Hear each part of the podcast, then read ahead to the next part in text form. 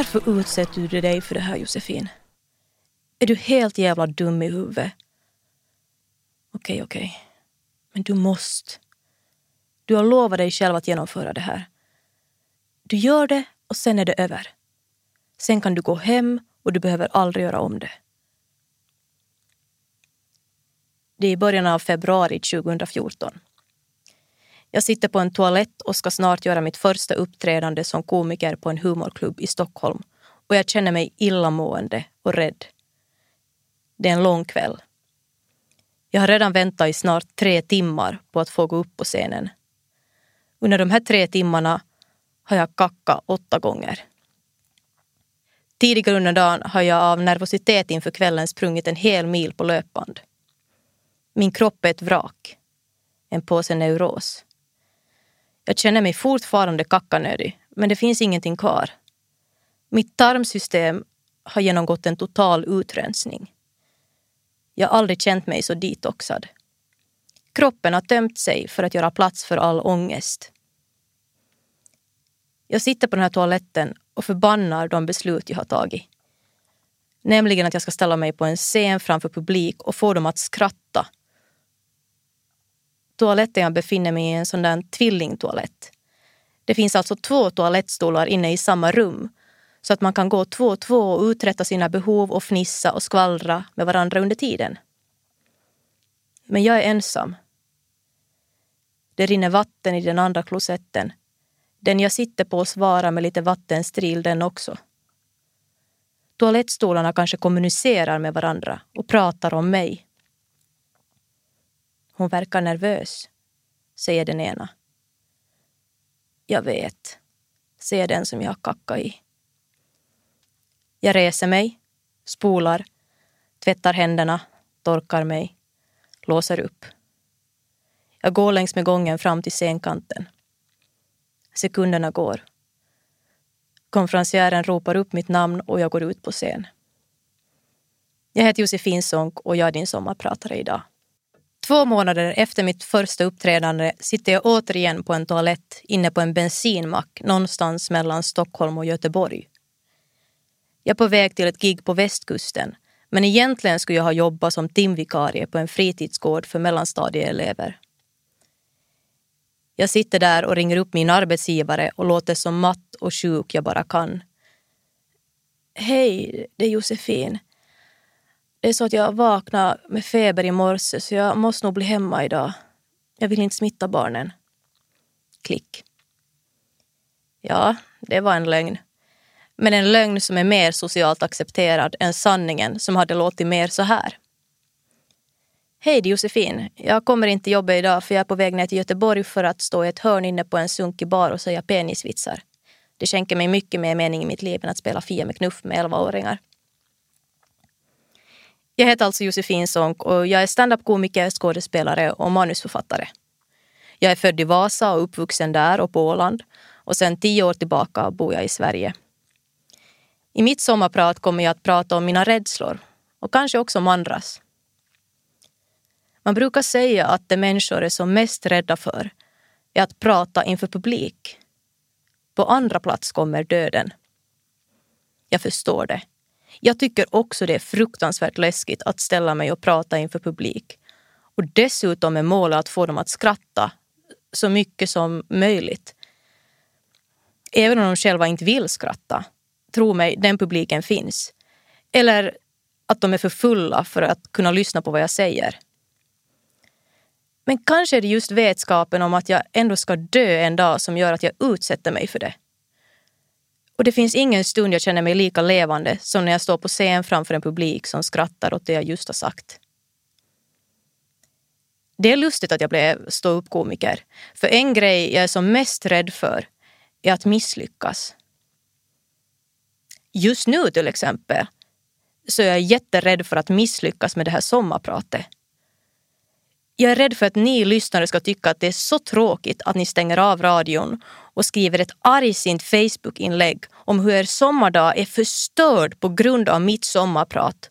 Och att alla era vänner ska gilla era arga statusuppdateringar och hålla med er.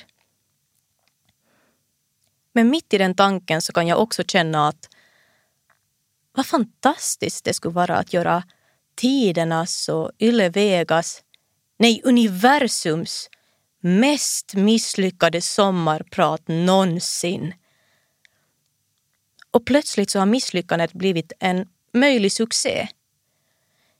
Ju mer jag tänker på det, desto mer vill jag att det här sommarpratet blir riktigt, riktigt misslyckat. Ett legendariskt misslyckat sommarprat. Det låter faktiskt lite kul mitt i allt. Hur gör jag ett riktigt misslyckat sommarprat? Hur gör jag mig så ointressant och intetsägande att ingen vill lyssna? Fan vad svårt. Hur ska jag lyckas med det? Och plötsligt så har målet att lyckas med ett misslyckande blivit det jag är rädd för att misslyckas med. Det är nog ett av mina många banala favoritsvar på frågan vad är meningen med livet? Att lyckas med misslyckanden. Det mesta som gör mig rädd kommer egentligen inifrån.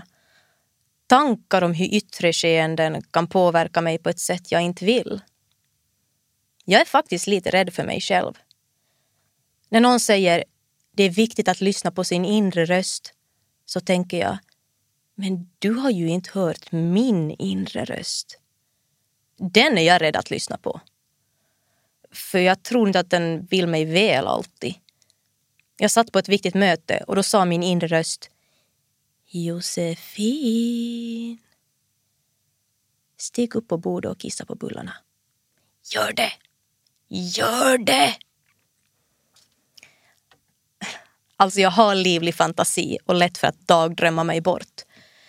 Men mina fantasier lever sitt eget liv. De går händelserna i förväg. Jag fantiserar om det som ska hända i framtiden. Om jag blir intresserad av någon så börjar vi dejta i min fantasi mycket tidigare än i verkligheten. Och så blir vi så där äckligt kära och sitter på en parkbänk och grovhånglar och folk tycker att vi är groteska. Men vi bara ler och skickar hjärtan till varandra på Messenger trots att vi sitter bredvid varandra på samma bänk. Och sen blir vi ihop och träffar varandras familjer och min pappa råkar göra någonting pinsamt. Typ fråga min kille om han vill följa med på morgongymnastik. Och min kille känner sig tvungen att säga ja bara för att vara trevlig.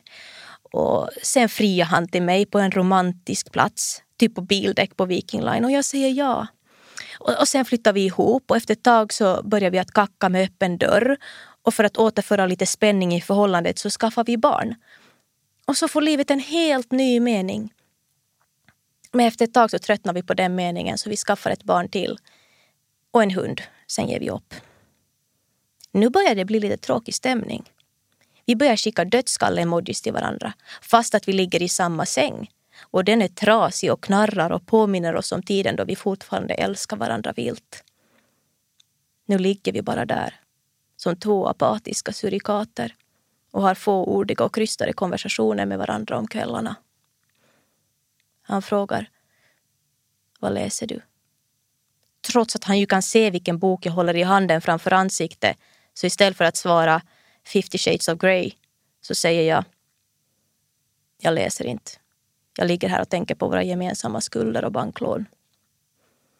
Och sen börjar vi bråka om banala saker som vem stod att gå ut med roskisen och det bara eskalerar och efter ett tag så sitter en av oss inne på toaletten och kackar med öppen dörr och den andra sitter ute på balkongen och kackar med öppen dörr och röker heroin och sopsorterar över balkongräcket.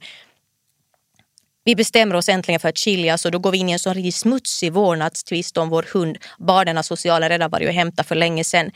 Och mitt i allt det här så blir jag också allvarligt sjuk och behöver en ny njure. Men då vägrar han att donera sin njure till mig för vi ligger ju i vårdnadstvist och han ser sin chans att vinna den om jag dör. Och precis då får jag ett sms i verkligheten där han skriver att Hej, ska vi ses och ta en öl? Och då skriker jag till. Vem fan tror du att du är, jävla rövhål? Du måste börja med att be om ursäkt för allt du har gjort i min fantasi innan jag kan ge dig en ärlig chans i verkligheten. Men jag fantiserar inte bara om mitt eget liv. Ibland tycker jag att det är ganska skönt att fantisera om andras liv. speciellt om mitt eget känns lite trögt och trist för stunden, så kan det vara avkopplande att låta mig dagdrömma om andra personers ännu trögare och tristare liv. Jag satt mitt emot en gubbe på tunnelbanan och jag började fantisera om honom. Han heter säkert Örjan och är fågelskådare. Det är hans enda hobby. Han har sett alla fåglar och nu har han börjat om i brist på annat att fördriva sin tid med. Han kanske är specialiserad på fasaner. Och han kan prata i timmar om fasaner om någon ber honom berätta. Vilket ingen någonsin gör. Så han sitter inne på enorm kunskap om fasaner som hela världen kommer att gå miste om. Och ingen, ingen jävel bryr sig. Och jag börjar fundera på om jag ska be om hans mejladress och skriva till honom och säga att jag vill jättegärna höra om fasaner. Berätta. Men innan jag hinner göra det så kommer vi till stationen Mariatorget och han reser sig för att gå av och jag tänker att stackare, nu kommer han att fortsätta vara ensam. Och dörrarna stängs och då ser jag hur han går fram till en ung supersnygg tjej på perrongen och kysser henne. Och så kommer det ett gäng på typ fyra personer fram till dem och alla hälsar och ser glada ut som att de är ett kompisgäng. Och jag vänder mig om när tåget åker iväg och ser hur gubben står där på perrongen och går ner på knä och friar till sin unga flickvän och, och hon säger ja. Och kvar sitter jag. Ensam. Med en halväten banan och massa äckligt bananmos i mungiporna och jag har spillt kaffe på mina nya byxor. Och mina hörlurar läcker så att alla som sitter nära hör att jag lyssnar på All by myself med Céline Dion. Jag heter Josefin Sonck och jag är din sommarpratare idag och jag talar om rädslor. En annan vanlig rädsla är den att bli avslöjad som en bluff. Att allt det man utger sig för att vara visar sig inte vara sant. Katastrof. Om jag säger att jag är rolig men så hittar någon ett dokument med valideringsstämpel där det står att jag inte är rolig alls. Och plötsligt inser alla det och jag själv också. Och så står jag där. Mycket mindre rolig än vad jag utgett mig för att vara. Katastrof. Men det är inte det värsta ändå, tänker jag. Alltså det värsta skulle vara om det visade sig att jag är någon helt annan. Om det en morgon knackar på dörren och där utanför står två mörklädda män som säger att Josefin, du är inte alls en finlandssvensk komiker som bor i Stockholm och har en karriär som går framåt. Du heter Krismaj Rompanen och bor i Kuopio, ett litet torp utan el och rinnande vatten. Du jobbar med att sortera siffror i en ologisk ordning. Följ med oss. Jag har många nojor. Men en grej jag inte är rädd för det är att vara obekväm. Standupen har gjort mig mer orädd, främst privat.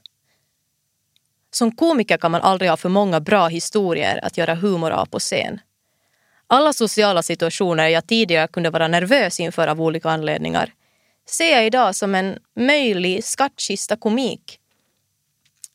När jag i tidiga 20-årsåldern blev kallad till min första cellprovtagning bevade jag inför besöket för att gå till gynekologen var förknippat med lite nervositet och obehag. Så är det inte längre. Nu för tiden när jag ska gå på ett gynekologbesök kan jag sitta på bussen och tänka hoppas det händer någonting riktigt konstigt. Kanske att brandlarmet går och lokalen måste utrymmas på en gång så att jag inte ens hinner få på mig byxorna och sen skulle jag få stå på trottoaren i Kalle Anka-utstyrsel och vara tvungen att trycka åt mig någon gratistidning för att dölja det som döljas kan. Det skulle vara fruktansvärt. Men jag skulle nog stå där och tänka att det här kommer att bli bra material. Tyvärr har det här inte ännu hänt i verkligheten. Bara i min fantasi. Naturligtvis har jag en fobi. Ormar. Min fobi för att få ett ovälkommet besök när jag sitter på vässan har i perioder tagit sig drastiska uttryck. I ett naturprogram såg jag en gång ett inslag om hur en man kommit undan med livet i behåll under en ormattack på grund av att han hade en spritflaska nära till hands. Genom att hälla sprit på ormen får det effekten att ormen blir helt förlamad. Efter att jag hade sett det här så kutade jag till Alko och köpte en enliters flaska Koskenkorva som jag lät stå passligt inom räckhåll bredvid toalettborsten. Jag planerade även hur jag skulle med ett hönsnät bygga ett slags galler att ha i toalettstolen så att ormen inte skulle kunna komma upp. Men jag insåg att rengöringen av det skulle bli problematisk. Alternativet var att ha ett galler, göra mina bestyr i en potta och tömma den i toaletten. Lyckligtvis insåg jag att min fobi började ta allt större plats i min vardag och jag avstyrde mitt toalettgallerprojekt. Men jag har fortfarande för vana att hålla ett öga på toalettstolens uppfart. Jag har aldrig sett någon orm. Vilket betyder att jag ju har suttit och stirrat på min egen kacka flera hundratals gånger. Helt i onödan. Samtidigt är jag såklart tacksam för att jag sluppit möta en orm under mina toalettbestyr. Det är ett annat favoritsvar på frågan vad är meningen med livet? Att stirra på sin egen skit, rent metaforiskt då, och vara tacksam för det som är bra. Jag läste att fobier kan botas på ett par timmar bara med hjälp av kognitiv beteendeterapi där man långsamt närmar sig det man är rädd för. I mitt fall kanske jag först bara skulle prata om min rädsla för ormar och med hjälp av en skicklig terapeut skulle jag efter tre timmar sitta med en orm i knät utan problem. Men jag tycker det låter onödigt. Vi måste börja med de viktiga fobierna. Spindlar, ormar och höjder kan vi strunta i. Men om det går att bota fobier på bara ett par timmar så tycker jag att vi borde börja med de mest akuta. Som till exempel att det i vårt samhälle går omkring folk med en homofobi. In med dem hos fobiterapeuterna. Jag vill se en ultrakonservativ präst gå in till terapeuten med en livslång fobi för homosexuella i bagaget och komma ut lättad och avslappnad med en inoljad bög i knät och säga det är inte alls läskigt. Faktiskt riktigt trevligt. Det är viktigare än min ormfobi eller någon annans flygrädsla. Flygfobi är väl för övrigt en fobi vi borde sluta behandla helt och hållet med tanke på miljön. Klimathot är en rädsla vi delar gemensamt. Inte bara rädslan utan också ansvaret att göra någonting åt det. Man pratar om att vi måste flyga mycket mer sällan. Det kommer bli dyrare och kanske krångligare att flyga i framtiden. Och jag är helt okej okay med det. Men om det är framtiden så känner jag också att jag verkligen måste passa på att flyga nu och besöka alla vackra platser i världen innan de förstörts av naturkatastrofer och innan det blir kriminellt att flyga. Det kommer ju vara hemskt att gå omkring och vara rädd när man ska åka på semester. Det tror jag är framtiden. Att man kommer att kunna läsa kvällstidningarnas löpsedlar där det står Kvinna gripen, hade flygbiljett till Bangkok i fickan. Och så döms man till samhällstjänst hos Naturskyddsföreningen.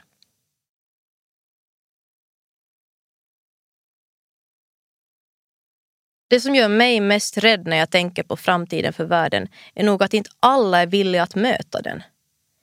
Jag hör ibland folk säga feminismen har gått för långt och att det kommer att få fruktansvärda konsekvenser om vi låter det fortsätta. Nyligen läste jag också en artikel där forskare menar att mannen kommer att dö ut om hundratusen år. Kanske mindre.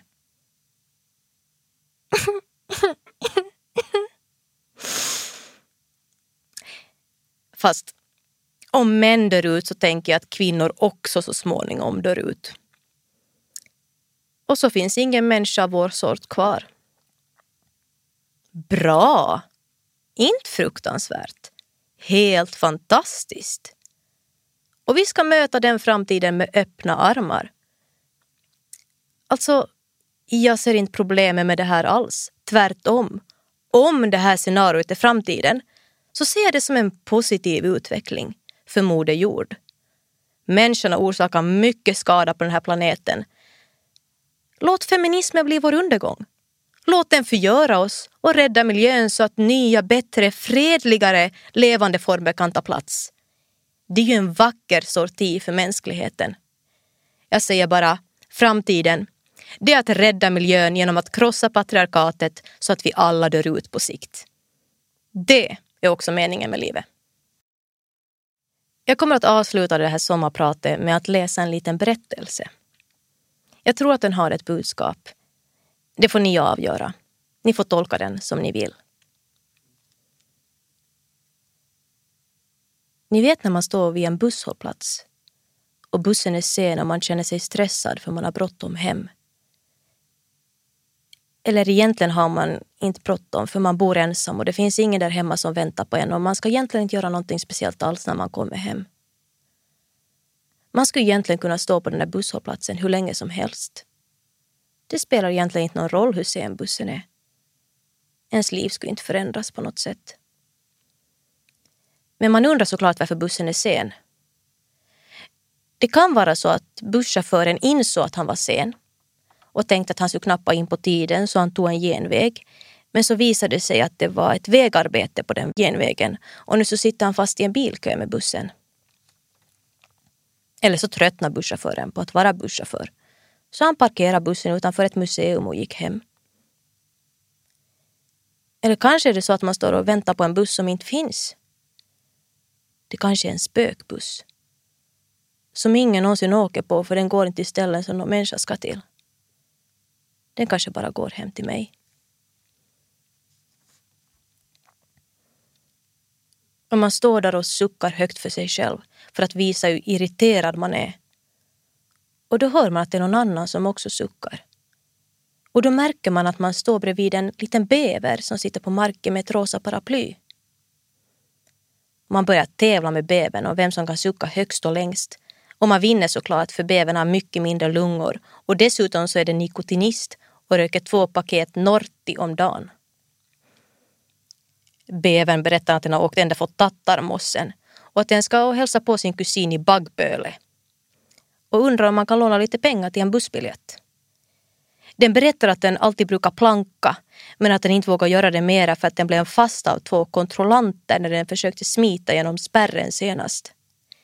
Den försökte springa ifrån kontrollanterna men det var tydligen kontrollanter med röda västar som får frihetsberöva plankar och hålla fast dem. Och när bävern vägrade att visa sin legitimation så tog de med bävern ner till ett isolerat rum i metron och där turades de om att slå bävern med en batong. Nu tänker man att den här bävern överdriver nog lite. För det är konstigt att det inte har stått i tidningarna om den här grova misshandeln. Men bävern berättar att det skedde ute i förorten och att allt polisiärt övervåld som sker där hamnar i medieskugga. Man förklarar för bäven att man gärna hade lånat några slantar men att det inte går att betala med kontanter på bussen längre utan att de nu infört ett nytt biljettsystem som kallas för resekort. Och att det är ett kort som man laddar med valfritt belopp. Bäven tittar storögt på en som att den aldrig har hört talas om resekort förut. Och det har den ju inte. För den är en bäver. Så man förklarar för bävern att den får springa över gatan till Erkioski och köpa ett resekort. Bävern ser nästan lite gråtfärdig ut när den frågar om man kan hålla i det rosa paraplyet så länge och det gör man såklart. Och man ser hur bävern springer över gatan och zigzaggar mellan bilarna och slinker in på Ärkioski och tränger sig före i kön. Då kommer äntligen bussen och man tänker att bävern inte kommer att hinna med så man stiger på bussen och ber snällt busschauffören att vänta en liten, liten, liten stund. För det är en bäver som bara måste hinna med den här bussen för den ska hälsa på sin kusin i Baggböle. Och precis då ser man hur bävern kommer ut från Ärkioski på andra sidan gatan med ett blått resekort i munnen. Och den springer över gatan för att hinna med bussen utan att se sig för och då kommer en stadsjeep och kör över den. Busschauffören suckar och stänger dörrarna och kör iväg och man tittar ut genom fönstret och ser bävern ligga där på gatan, alldeles stillplattad. Hur inälvorna har runnit ut och det kommer fler bilar som kör över den igen och igen och igen. Ingen bryr sig. Folk bara går förbi, inga bilar stannar. Det är stressade innerstadsmänniskor. De orkar inte bry sig om en bäver från tattarmossen. Och man sitter där med det lilla rosa paraplyet och tänker att det var mitt fel. Jag borde ha bjudit på resan till Baggböle. Jag borde ha smugglat in bävern på bussen på något sätt. Gömt den i min Bauhauspåse. Undrar vad bäverns kusin kommer att tänka.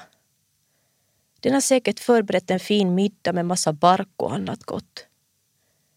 Först kommer den att bli arg och irriterad.